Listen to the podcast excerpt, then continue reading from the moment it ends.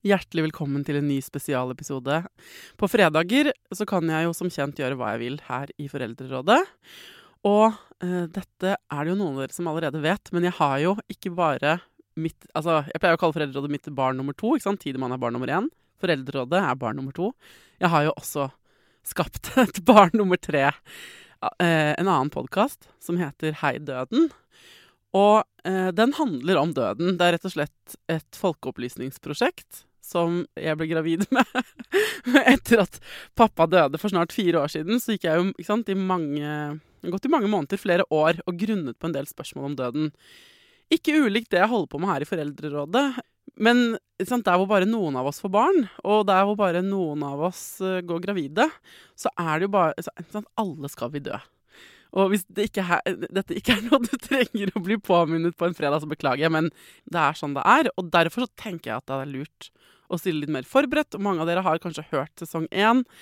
Denne uka så kom første episode av sesong to eh, av Hei døden ut. Og i denne sesongen eh, så Vi går ikke noe eh, mindre konkret til verks, for å si det sånn.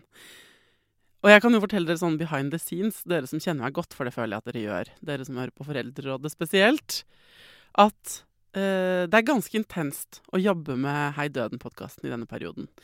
Eh, det er Jeg drømmer om død. Eh, produsent Sofie drømmer om død. Eh, jeg blir veldig klar over at jeg lever hele tiden. Og til en viss grad er det bra, altså. Det er kjempebra. Og så er det også litt ekstra Det river litt ekstra i både kropp og sjel.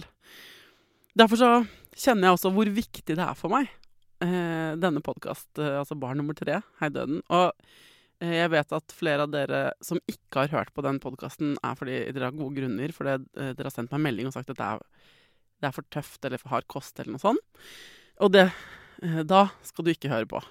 Men jeg tror, hvis du er nysgjerrig og lurer litt på hvordan det blir å en eller annen gang skulle miste noen, eller hvordan det blir når du selv blir gammel, så, så er det greit, akkurat som med fødsel, å være litt forberedt. Det er tanken min, da. Så i, i, dag, denne fredagen, i Foreldrerådet, så får du episode én av Hei døden, altså sesong to. Og så håper jeg at du kan ta med deg det inn i helgen. Altså eh, både det interessante du lærer, men også det at fy fader, ja da, vi skal dø en dag. Men helt frem til da, så er du levende. Og eh, da er det viktig at du koser deg. Det er det som innerst inne er poenget mitt òg, ikke sant, med å snakke mer om døden det er å huske på at jeg lever mens jeg lever. OK? Vær så god. Uh, her er episode én av sesong to av Hei døden. Og Derfor så endte det med da at, eh, at jeg faktisk sykla fra skolen når jeg visste at det var begravelser i den lokale kirken, for å se hva som skjer, og om det kunne være så ille som jeg hadde fått forklart om at eh, når man senker kisten i graven, så hørte man at vannet sildra inn i kista. Altså masse sånne historier fra, eh, fra besteforeldre, fra film og TV. Og så viser det seg at det stemte jo ikke i det hele tatt.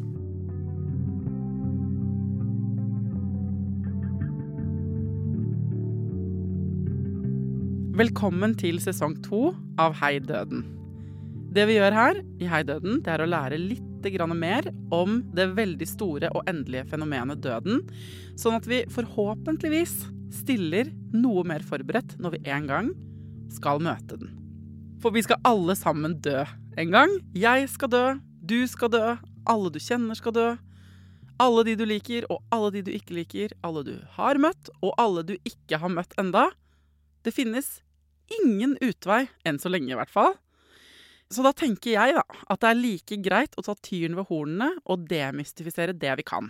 For som jeg har sagt tidligere, så tror jeg at det som er vanskelig her i livet, blir litt lettere av at vi snakker om det og lærer om det. Forrige sesong av Hei døden handlet om eh, den siste fasen. Den siste delen av livet. Hva som skjer i kroppen og i hodet eh, før vi dør, og når vi dør. Og denne sesongen her, den kommer til å handle mer om hva som skjer når vi først har dødd. For når livet er borte fra kroppen, hva skjer da? Og nå skulle jeg selvfølgelig ønske at jeg kunne avsløre det store mysteriet. Hva skjer etter døden? Det tror jeg ikke jeg kommer til å få til i denne sesongen. Det ville vært kult og veldig overraskende. Men det jeg kan finne svar på, er alt det andre. For eksempel hva skjer med kroppen etter dødsøyeblikket? Hva er sorg? Hvorfor har vi sorg? Og hvorfor er den så innmari vanskelig? Og så er det dette med dødsangst. For det å miste noen kan føre til at du blir så redd for døden at det kan bli vanskelig å leve, som jo er et paradoks. Men det er også veldig vanlig. Så hvordan dealer vi med dødsangst?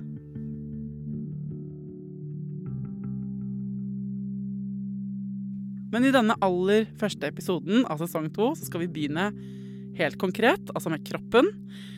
For når et menneske dør, eh, og når en du er glad i, dør, hva skjer da? Da pappa døde, så satt jo eh, vi, søstrene mine og mamma og jeg, ved hans døde kropp på sykehuset en god stund. Og da kjente vi på han. Eh, kjente på kroppen hans, liksom. Han begynte ganske fort å bli kald noen steder, f.eks. Eh, på hendene og på panna. Og så var han samtidig varm der hvor dynen lå, altså på brystet og på magen.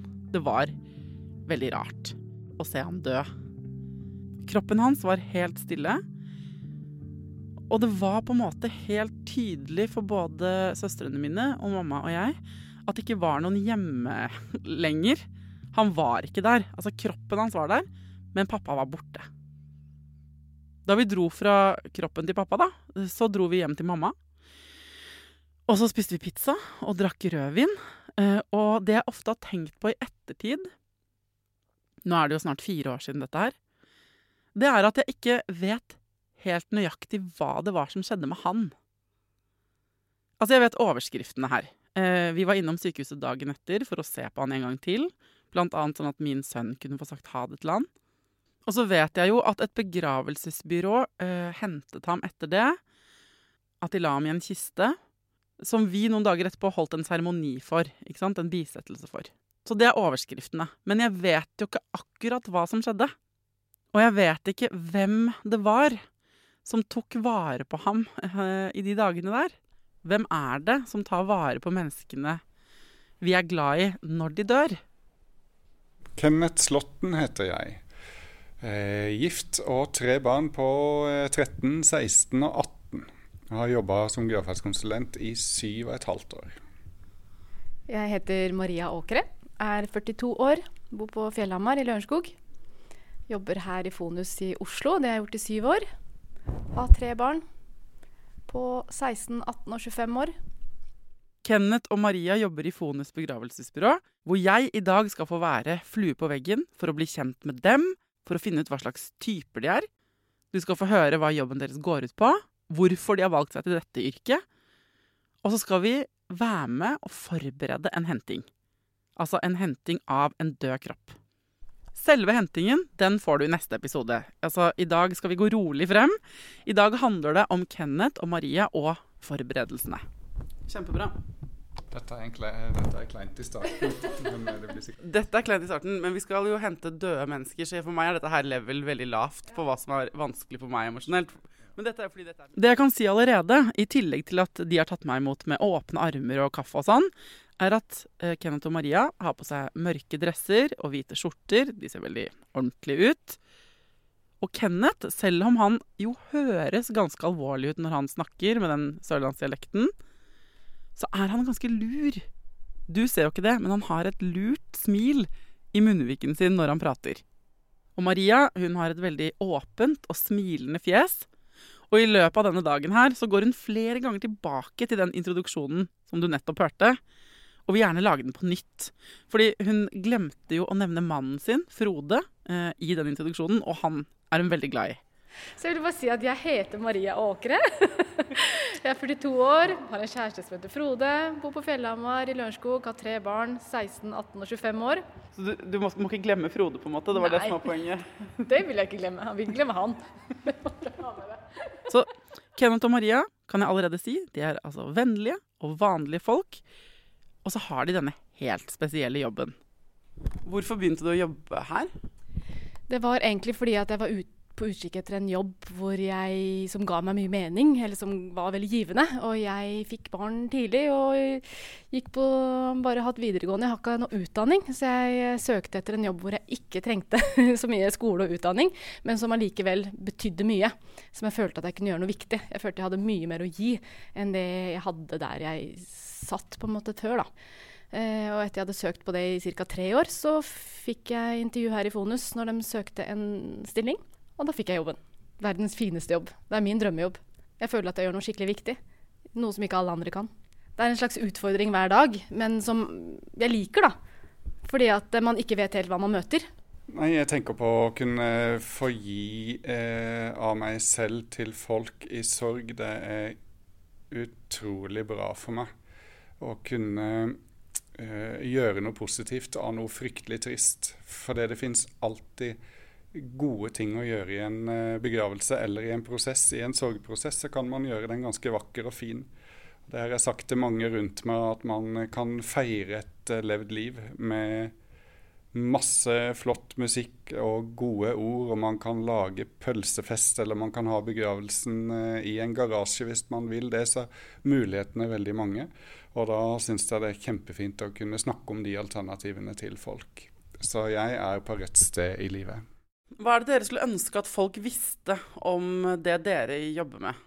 Nei, jeg husker når jeg fikk den jobben her, du hadde jobba her en stund, så var det en venninne som sa du trenger ikke å late som du liker den jobben. Selvfølgelig går det ikke an å like det du gjør. Så jeg kunne ønske folk visste at det var en veldig fin jobb.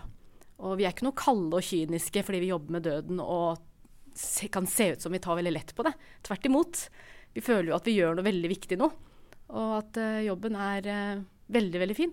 Og vi møter masse mennesker, og de fleste møtene er ikke veldig tunge og sorgfulle. For det trodde jeg også når jeg skulle begynne her, at alle møtene i familiene ville være veldig tungt. Men det er mye latter, og vi prater om litt andre ting, og man blir litt kjent. Man sitter jo ofte sammen et par timer, i hvert fall. Og så møtes man jo igjen til kanskje syning og til seremonien, så man blir litt kjent. Sånn at uh, det er en Jeg kunne ønske folk visste hvor fin jobb det var apropos dysterhet. Da vi møttes i dag, så hadde Kenneth kjøpt med seg en rull med smil til deg og meg. så der, det er viben. Eh, det var blide fjes og sjokolade. Jeg tenker at Det er ikke det jeg hadde sett for meg, jeg heller. Ja, Det er viktig å ha et godt arbeidsmiljø, uansett hvor man jobber. Men kanskje spesielt her hvor vi er. Vi drikker kaffe sammen, spiser sjokolade, har god kontakt eh, etter jobb også. At vi kan prate om helt andre ting. Hvor mye ler dere på jobb og sånn, da? Jeg prøver å smile og le så mye som mulig. Ellers så tror jeg det hadde blitt forferdelig tungt. Vi skal jo håndtere andres sorg, og da må jo i hvert fall vi møte de med et smil og omtanke og kjærlighet. Latter og humor er kjempeviktig for å komme seg videre i en sorgprosess. Hvorfor har du jobb som gravferdskonsulent? Det er faktisk noe jeg har hatt lyst til siden jeg var 16 år. Født og oppvokst på Sørlandet og skulka skolen for å få med meg begravelser. Hæ? Så jeg har Dette er ganske sært, men jeg har hele tida visst at det er dette jeg ville jobbe med. Men på Sørlandet så var det familieeide bedrifter, så det var veldig vanskelig å komme inn i den bransjen. Så da eh, har jeg skrevet eh, masse logger og kladder i hele barndommen og ungdomstida hvordan en begravelse kan være fra A til Å. Det er ganske sært. Men så begynte jeg da i gravferdsbransjen etter mange år som butikksjef i dagligvare. Da fikk jeg endelig napp og fikk muligheten. Hva var det du på en måte ble fascinert av som ung? Altså er, jeg drømte om å bli veterinær. ikke sant? Mange drømmer om å bli fotballproff eller politimann. Mm. Eh, mens du drømte om å bli gravferdskonsulent. Hvor kom den inspirasjonen fra, tror du? Nei, Det var nok uh, min, uh, mine besteforeldre og den eldre generasjonen der alt var så grusomt og alt var skummelt med døden. Og Da ble jeg så nysgjerrig på det og tenkte at kan det virkelig være sånn? Eh, og Derfor så endte det med da at, eh, at jeg faktisk sykla fra skolen når jeg visste at det var begravelser i den lokale kirken, for å se hva som skjer, om det kunne være så ille som jeg hadde fått forklart. Om at man eh, når man senker kisten i graven, så hørte man at vannet sildra inn i kista. Altså masse sånne historier fra, eh, fra besteforeldre, fra film og TV. Og så viser det seg jo at det stemte jo ikke i det hele tatt. Så eh, jeg tror at jeg fint kunne gått opp til eksamen innenfor dette yrket, fordi at jeg har fått med meg, og jeg har sett og jeg har hørt og jeg har lest masse detaljer. Alle oppgavene som jeg har, er jo en eksamen. Hver eneste konsulent eh, går opp til eksamen hver dag, fordi det fins ikke rom for feil. Men hva gjør det med dere egentlig? At det er så eh, lite rom for feil? Hvordan er det å ha det sånn? Man blir jo veldig skjerpa, og man vil veldig gjerne gjøre en god jobb. Og det er det som gjør jobben eh, så fin òg, for at du hele tiden må gi av deg selv det beste du kan. Eh, fordi det er ikke rom for feil. Jeg klarer ikke å gi meg her. For at eh, blikkene de har, Kenneth og Maria, når de sier dette med feil, gir meg en følelse av at det ligger noe spennende eller gøy eller forferdelig her. Og det gjør det, sånn at du nå er forberedt. For hva slags feil kan oppstå? Ja, det kan være som f.eks. feil musikkavspilling i seremoni. Der det har jeg eksempel på med en familie som ønsket at når mor eh, skulle Når kisten skulle senkes, så skulle mor få lov å få 'Jag trodde englene fantes'. Eh, og da var det blitt lasta opp feil musikkstykke, så når kisten senkes, så kommer 'Nei, så tjukk du har blitt'. Eh, og da sto jo jeg som seremonileder, og det har jeg ikke kommet inn på enda, men jeg er jo også gravferdstaler, så da står jo jeg i front og har den viktigste rollen. Så da må man på en måte få rodd seg inn igjen. Kan, kan, jeg få tid, kan jeg få tid til å bare reagere på det, det, på en måte? Fordi dere har veldig sånn Dere har alvorlige ansikter. Nå smiler du, bare, Ja. det er den verste Det er det verste feile låta, på en måte. Det er jo det verste som kan skje i forhold til musikkvalg. For det at da ble det jo stille en stund, for jeg tenkte at nå får vi prøve igjen. Og kisten gikk fortsatt ned, og da hørte man jo andre vers. Nå må du pinede slanke deg, gitt. Så det ble ikke noe, ble ikke noe bedre. Men, Men hva skjedde? Hva skjedde? Eh, heldigvis så var dette en familie som eh, jeg så at de kikka på hverandre først. Og så tenkte jeg hva gjør jeg nå? Men det ble tatt greit imot. Det, var, eh, det kom noen smil her etter hvert. Eh, og så endte det opp med at vi bare skrudde av musikken og senket kisten i stillhet. Så vi kommer jo ut på alle mulige måter, men dette er jo en historie som vil og er snakka om videre. Å bli sendt ut av livet til låta 'Nei, så tjukk du har blitt' er bare én av feilene som kan skje. I en jobb hvor man ikke kan gjøre noen feil. Å velge feil musikk, eller å få feil blomster, eller at det blir feil i dødsannonsen, eller at det blir forviklinger rundt selve seremonien. Det er andre ting som kan skje. Men skjer det noen ganger at man faktisk tar feil person, liksom? At kropper forveksles? Akkurat det med feil kropp er vi veldig nøye på, for det er derfor vi alltid er to. Én leser personnummeret på kista, én leser på papirene på kista vi skal ha med. Så akkurat den feilen, eh, den, eh, den har jeg heldigvis ikke gjort. Det har eh, dessverre skjedd for eh, oss. Eh, for lenge siden så var det en dame med samme navn på denne kjølen som vi skulle hente ut kista fra til seremoni. Så var det to damer, samme navn, men den ene hadde et mellomnavn. Og da endte det jo selvfølgelig med at vi gjennomførte en seremoni med feil dame i seremoni. Og oppdaga egentlig ikke det før eh, vedkommende skulle til kremasjon etterpå. Hva gjorde dere da, da? Eh, vi gjennomførte seremonien som planlagt. Og så eh, valgte vi å kalle inn familien til møte i etterkant. Eh, nå gikk også dette bra. Eh, for det jeg tror det handler om åpenhet og være ærlig på hva man gjør. Og dette var heldigvis jeg var med som andremann, så jeg var ikke ansvarlig, eller det var ikke mitt oppdrag. Men eh, det å ta ansvar for sine feil, det er det viktigste, istedenfor å tenke at det blir ikke oppdaga. Ville de da ha ny seremoni for den riktige kroppen, eller hva? I dette tilfellet så var de glad for at vi tok kontakt og at vi snakka med dem, og de fikk en kjempekompensasjon, så de eh, var fornøyd og tilfreds med det. Mor var jo eh, død, Eh, så dette var jo på en måte en seremoni for de etterlatte. Mm. Um, men det er bare et eksempel på at vi må være så ekstremt nøye hver dag, hele tiden, i alt man gjør. En gravferdskonsulents jobb er sammensatt. Når noen dør, så er det ofte dem du ringer aller først. Det er de som gir deg råd og veiledning. De ordner med lokale for seremoni, de hjelper til med dødsannonse, de bestiller kremasjon, urne, musikk, kiste, blomster. Og så er det de som henter den døde kroppen der den er, og frakter den dit den skal. I dag så skal Kenneth og Maria hente en død person. De skal hente og stelle og legge et menneske i en kiste. Eller nedlegg, som de kaller det da. Og i den forbindelse så er det eh, mange ting som må ordnes. Ok, Så nå skal vi gå ned til bårebilen. Nå skal vi ned på lageret og forberede det nedlegget som vi skal gjøre. ja. Så da skal vi pakke ut en kiste, for de er ganske De er uten bein. Så. Jeg går feil. Du går feil. Kenneth, du har printa ut kistelappen. Det har jeg. Det er en sånn bestilling, på en måte, da? Ja, det er eh, Nå er det jo vår kollega eller den konsulenten som har hatt samtalen med familien, som har avtalt hvilke kiste familien ville ha. For det, på dette lageret ser du jo at det er litt av hvert å velge mellom. Ja, her, ja. Oi, oi, oi. Det er på ingen måte et vanlig lager vi står inni nå. På den ene veggen så står det kister oppstilt, altså likkister. Bare det kan jo gi hvem som helst en støkk. Jeg har bare sett kister når de har hatt folk oppi seg før. Så det er så rart.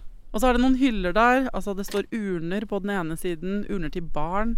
De har sånne tegninger av bamse på. Noen er rosa, og noen er blå. Kenneth har full kontroll, heldigvis. Og nå vet vi i dette tilfellet hva vi skal ha. Da skriver vi ut en kistelapp med navn og personnummer og informasjon. Og det er jo viktig for oss nettopp for at vi skal ta riktig, hente riktig person. Mm. Så nå skal vi ha en, en Morendo-kiste, som for så vidt er bestselgeren, da. Så er sånn at Vi får jo kistene levert uh, uten kistebein, for det er litt uh, enklere med transporten. Så ja, da... så det er rett og slett en sånn lite Ikea-kit, på en måte, eller altså en sånn pose sånn ut, med fire kistebein. Ja. Så da hamrer vi på de før, uh, før vi drar av gårde. En annen ting jeg har lurt på når det gjelder kroppene våre etter døden, det er det med kister og størrelser. For vi er jo ikke samme størrelse alle sammen. Og dette har jeg tenkt på, faktisk. Eh, for tenk om man ikke passer i kisten sin. Tenk så kjipt om man får en kiste som er for liten, liksom. Eller for kort. Eh, vi har jo en standardstørrelse, men vi spør jo, skal i hvert fall spørre om avdøde var eh, lang, eller hvis det er et barn, så blir det jo helt feil å ha en voksenkiste. Så vi gjør jo litt research om alt dette på forhånd. For det har jo hendt at vi har kommet frem til et kjølerom og avdøde altfor langt til den kisten vi har. Det betyr jo bare at man som konsulent har glemt å spørre om avdøde var lang. Ja. Vi har jo rett bak deg ekstra store kister. Ja. Så der har vi dem ekstra ja. breie. Så det er hvis man De er, er ekstra stor, store og lange og brede, da? Ja, vi har vi spesialbestiller fra, fra, fabrikken vår når det er større enn en 1 XL. Ja. Så vi har opptil eh, okay. 3 XL. Opptil 3 XL. Ja, nå banker Det er bare å banke på sånn, ja. På kistebunnen. Det nærmeste snekkere får lov å være det når vi skal smelle på de beina her. Ja. ja. Jeg er ingen teknisk mann. Men du er mye annet, Kenneth. Her er det en oransje kiste. Ja. Knæsj. Oransje, lakkert kiste. Den var veldig kul, da. Ja, den er veldig kul. Det er ikke så mange som vil ha den, men den kan passe hvis man er veldig glad i oransje. Eller en jeger som alltid gikk med oransje lue, eller ja. Så det er eik og svart og blå og grønn og rød og kobber og Du kan altså få kiste i den fargen du vil, i den størrelsen du vil, opp til 3 XL. Og det med størrelsen syns jeg faktisk var betryggende å høre. Alt med Maria og Kenneth er betryggende, egentlig. Både det å snakke med dem og se dem håndtere likkister som verdens mest naturlige ting, og høre deres forklaringer på hvordan ting skal foregå og hvordan vi skal gjøre det. Så hva er det de syns er vanskeligst med den jobben de har? Det kommer vi snart tilbake til.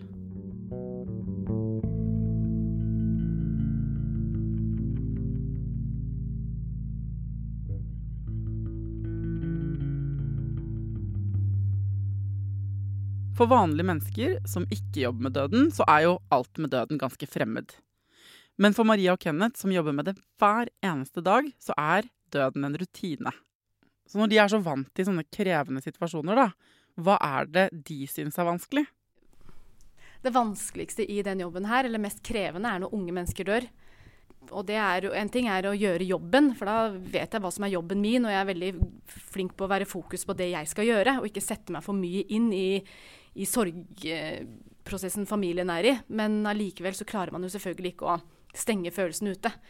Så da blir det at du tar med deg inn i hodet hjem, jobben hjem, og da hele tiden tenker på den, det barnet som er død. Og du står og lager middag, og du ser for deg det, eh, det barnet. Eh, det har jeg opplevd noen ganger.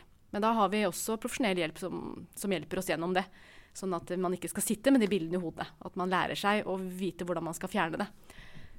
For det, det kan være krevende. Men da, da fra man har kontakt, første kontakt med familien, til begravelsen er over, så går det og surrer i hodet hele tiden hvordan familien har det og på det barnet som har gått bort. Og hva gjør dere, da? Hva er de prosessene dere gjør, eh, som du sier, eh, for å få hjelp, altså hjelpe hverandre til å prosessere det? Vi har jo gode kollegaer, vi kan snakke sammen, men vi har også psykologihjelp. Som vi kan gå til psykolog eh, og fortelle og få hjelp til å fjerne bilder vi har i hodet. Jeg går også masse tur på fritida. Så når jeg er ferdig med en dag på jobb, så, eh, så er det stort sett eh, en time eller to med gåtur for å kunne klare å nullstille meg. Hva syns du er det tøffeste med denne jobben? Nei, Jeg syns også eh, det med barn er ganske krevende. Og så syns jeg at enkemenn som mister sine eh, ektefeller, kan være tøft, fordi de er ofte fullstendig hjelpeløse. Og når det sitter en, eh, en mann på kontoret som har mista sin aller beste venn, og ikke aner hvordan han skal koke en potet, så er det faktisk en eh, ganske tøff greie. Man tenker hvordan skal dette gå? Hvordan skal du klare det? Eh, for ofte så har jo damene mye, mye, større nettverk og mye mer forutsetninger for å klare seg, fordi de har både lagd mat og de har vaska tøy.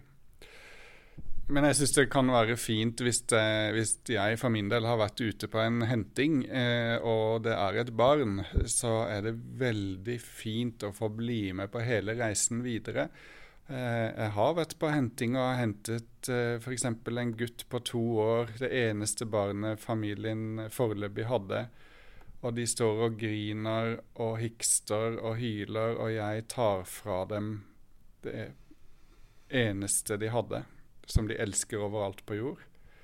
Det er ikke sånn at jeg bare kan gå rett hjem og sove da. Og det er jo da en ære å få lov å hjelpe de i sorgen videre. For meg var det vanskelig å gå fra pappas døde kropp når han var død, selv om han ikke, helt åpenbart ikke var hjemme.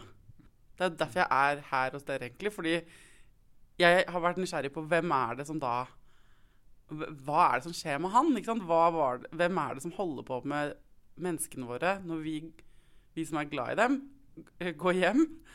Og det er jo bl.a. dere.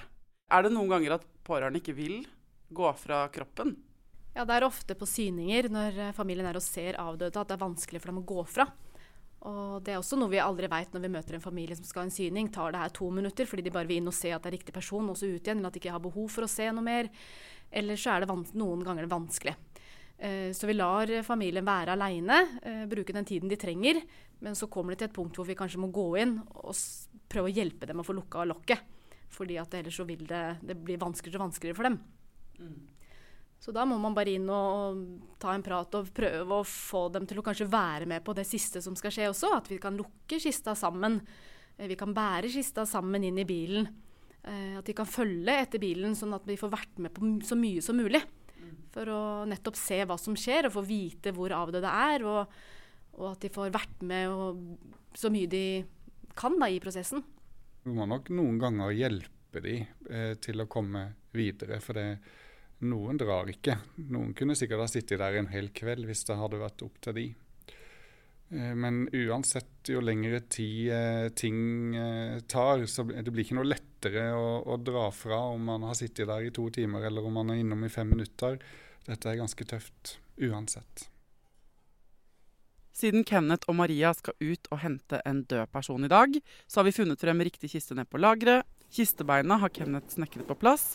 Nå skal vi ordne noen flere ting med den kisten. Og så er det en del ting vi må ha med oss, bl.a. plasthansker.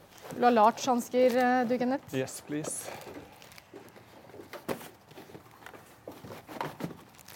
Det krever litt grann sånn forberedelser med å gjøre alt klart før man skal ut på en sånn tur som dette. Ja, men dere må ha med dere saker og ting. Ja, i hvert fall ut på, når man er på, på sykehjem og sånne ting, så må vi ha med. På, ofte på kjølerommene på sykehus er det lina opp til oss, men det er greit å ha med seg ting. Dette her må jeg bare melde at jeg syns er veldig fascinerende å få være med på. For jeg har jo aldri sett ordentlig oppi en kiste før.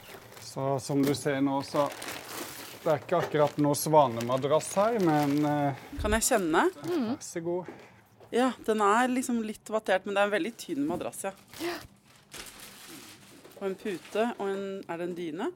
Det er en dyne, og så har vi en sånn papplate for å få en liten sånn forhøyelse på dyna, da, som du vil se etterpå. Det gjør vi for å forme dyna litt, sånn at den ligger pent over.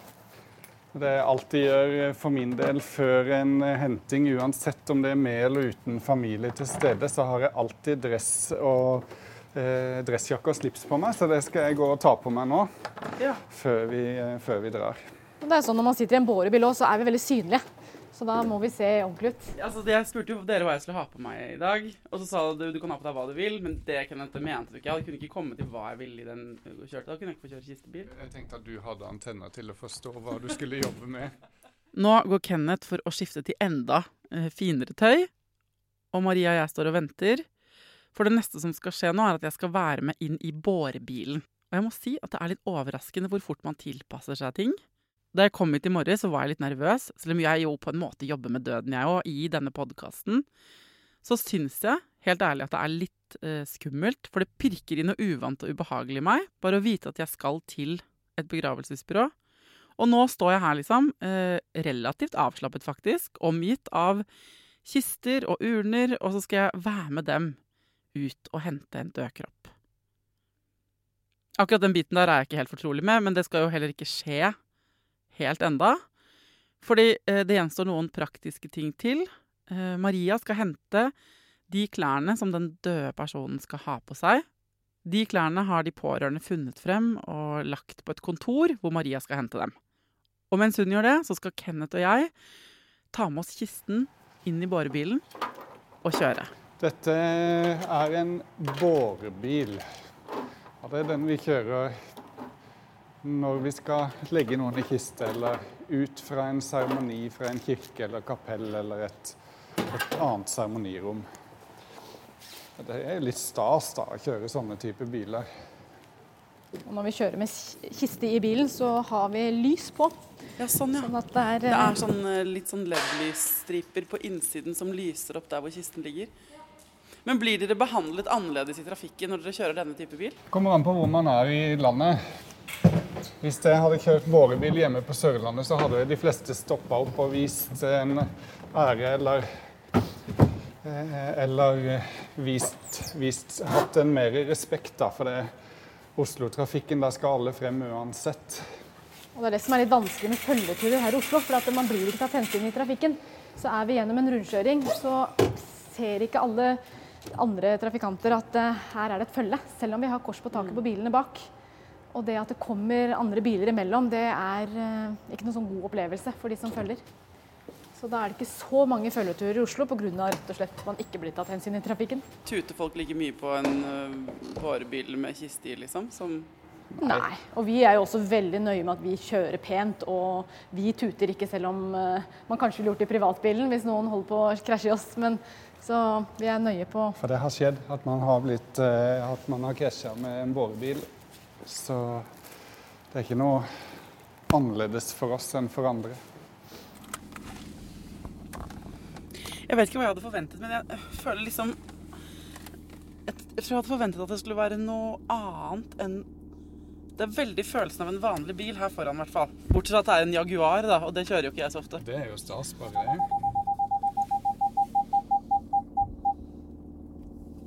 Og her inne har vi jo en eh, fem-seks borebiler hver eneste morgen. Og så kjører de ut og inn etter hvert som man skal på ting gjennom dagen. Mm.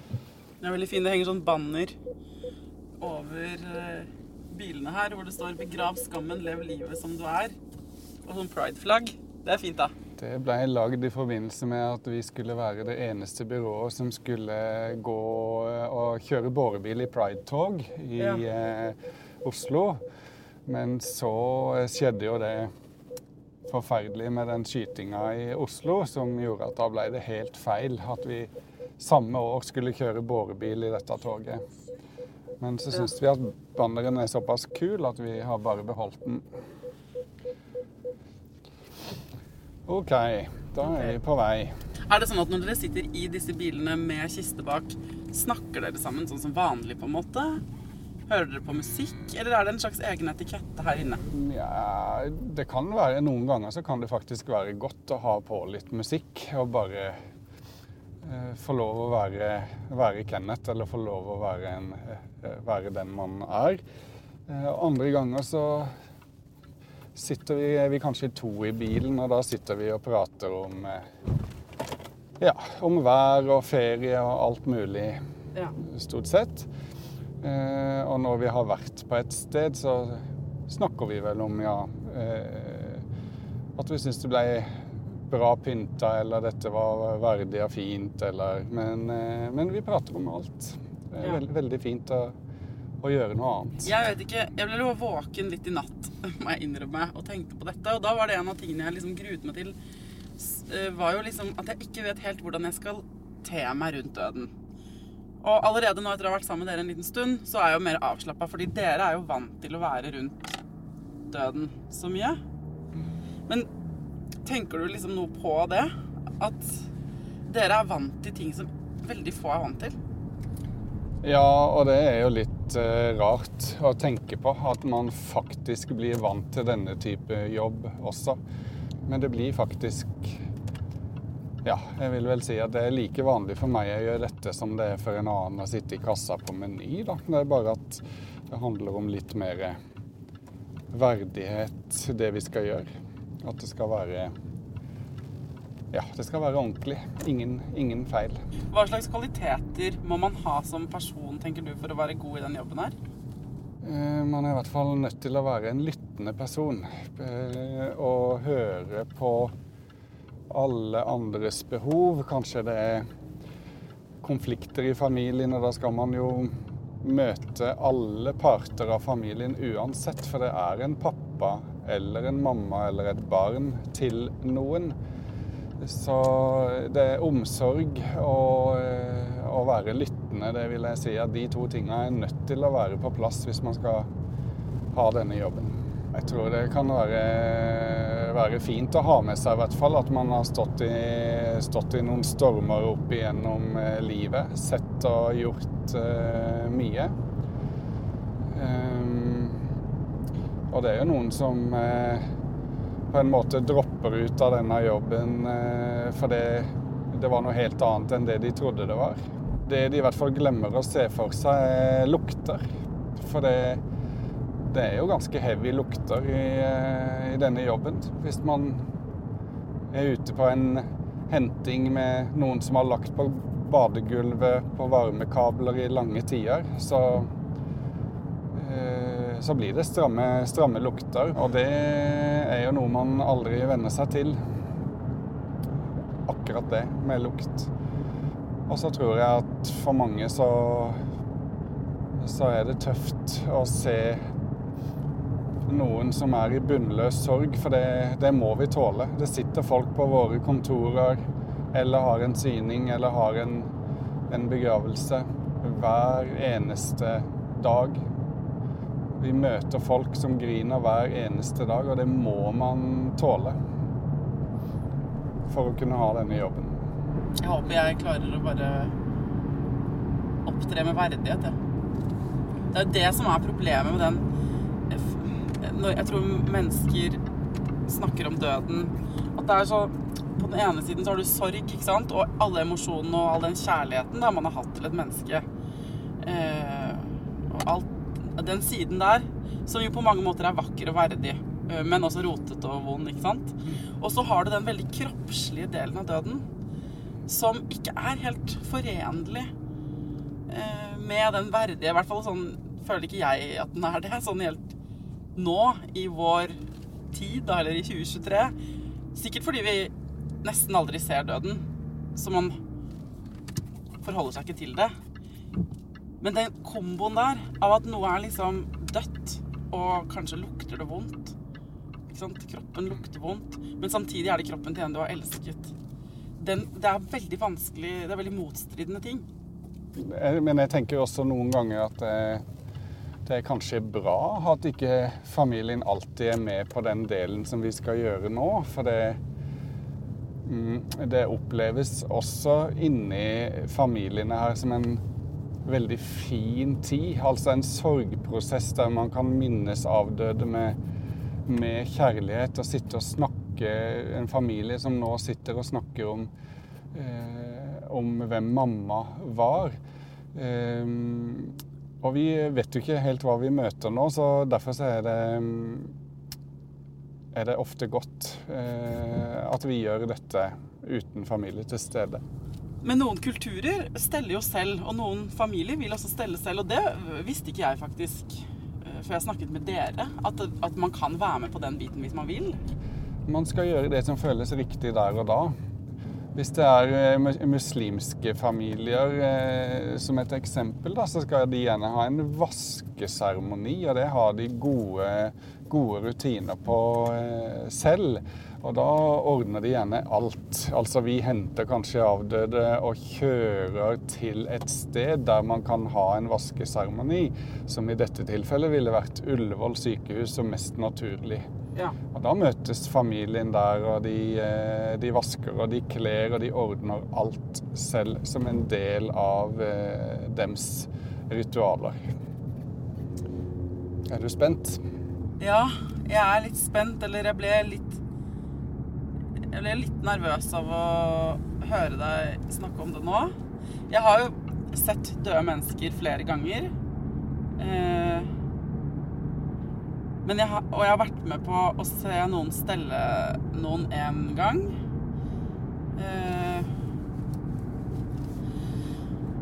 jeg vet ikke. Jeg føler at jeg har lært veldig mye mer om døden siden pappa døde, og gjennom å lage denne podkasten, da. Så jeg jeg er kanskje litt redd for å skuffe meg sjøl ved å bli for opprørt. Du skjønner? Jeg har veldig lyst til å takle denne situasjonen på en god måte. Men så vet jeg ikke om jeg kommer til å få det til. Dette tror jeg du kommer til å få helt fint til. Nå er vi snart fremme ved sykehjemmet, hvor vi skal inn og stelle og legge et dødt menneske i en kiste. I neste episode så er det det det handler om. Da skal du få være med inn sammen med meg, og så skal vi se akkurat hva det er som skjer i den delen av prosessen. De fleste av oss er jo ikke med på den delen. Der er det sånne mennesker som Maria og som Kenneth som passer på og tar ansvar for kroppen til den som har dødd. Og det er bra. Det er bra at det fins egne personer som er proffe og trygge og greie, og som liker å trives med å være eh, på en måte hjelperne våre, da når vi selv står i en krise og har mistet en vi elsker. Men har det å jobbe med døden eh, og vært opptatt av det siden du var 16 år, eh, gjort deg noe eh, bedre på livet? Jeg har i hvert fall, prøver i hvert fall å ha fokus på å nyte øyeblikkene og sette mer pris på de små ting. Før så kunne man jo sutre og klage litt over vondt i halsen eller dårlig vær, eller at man kjeder seg en søndag. Men nå setter jeg mye mer pris på det å få lov å leve. Og få lov å gjøre en eh, Ja, få lov å gå på jobb og være en pappa når jeg kommer hjem og eh, ha et godt liv. Jo mer episoder og jo mer man ser i denne jobben, jo mer setter man nok pris på det som før ikke betydde noen ting. Sånne store, svære ferier, det er ikke like viktig som før, fordi man faktisk kan ha det fint med taco og TV hjemme. Vi har et liv, og vi har familie. Så går det en smule varmt hjemme hos oss òg, det skal jeg love deg. Men eh, Eh, man har i hvert fall mye mer fokus på det. Veldig mye mer fokus på det enn før.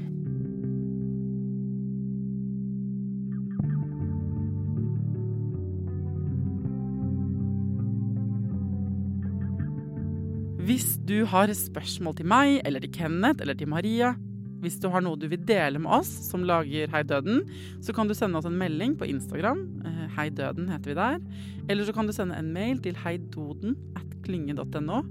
Vi som lager Hei Døden, er meg, Thea Klingenberg.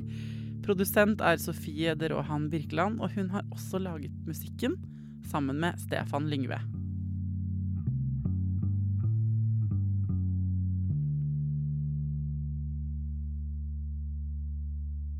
Produsert av Klinge.